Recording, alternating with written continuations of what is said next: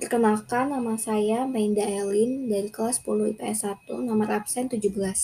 Kali ini saya akan memberikan ulasan tentang video pertunjukan musik tradisional yang sudah saya cari.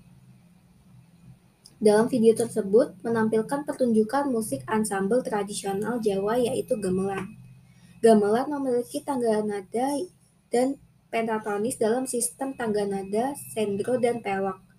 Alat musik yang dimainkan dalam pertunjukan video tersebut ada gendang, gong, suling, gambang, dan sebagainya. Dilihat dari segi pergelarannya, jenis musik tradisional dalam pertunjukan musik ini yaitu jenis musik tradisional karawitan gending.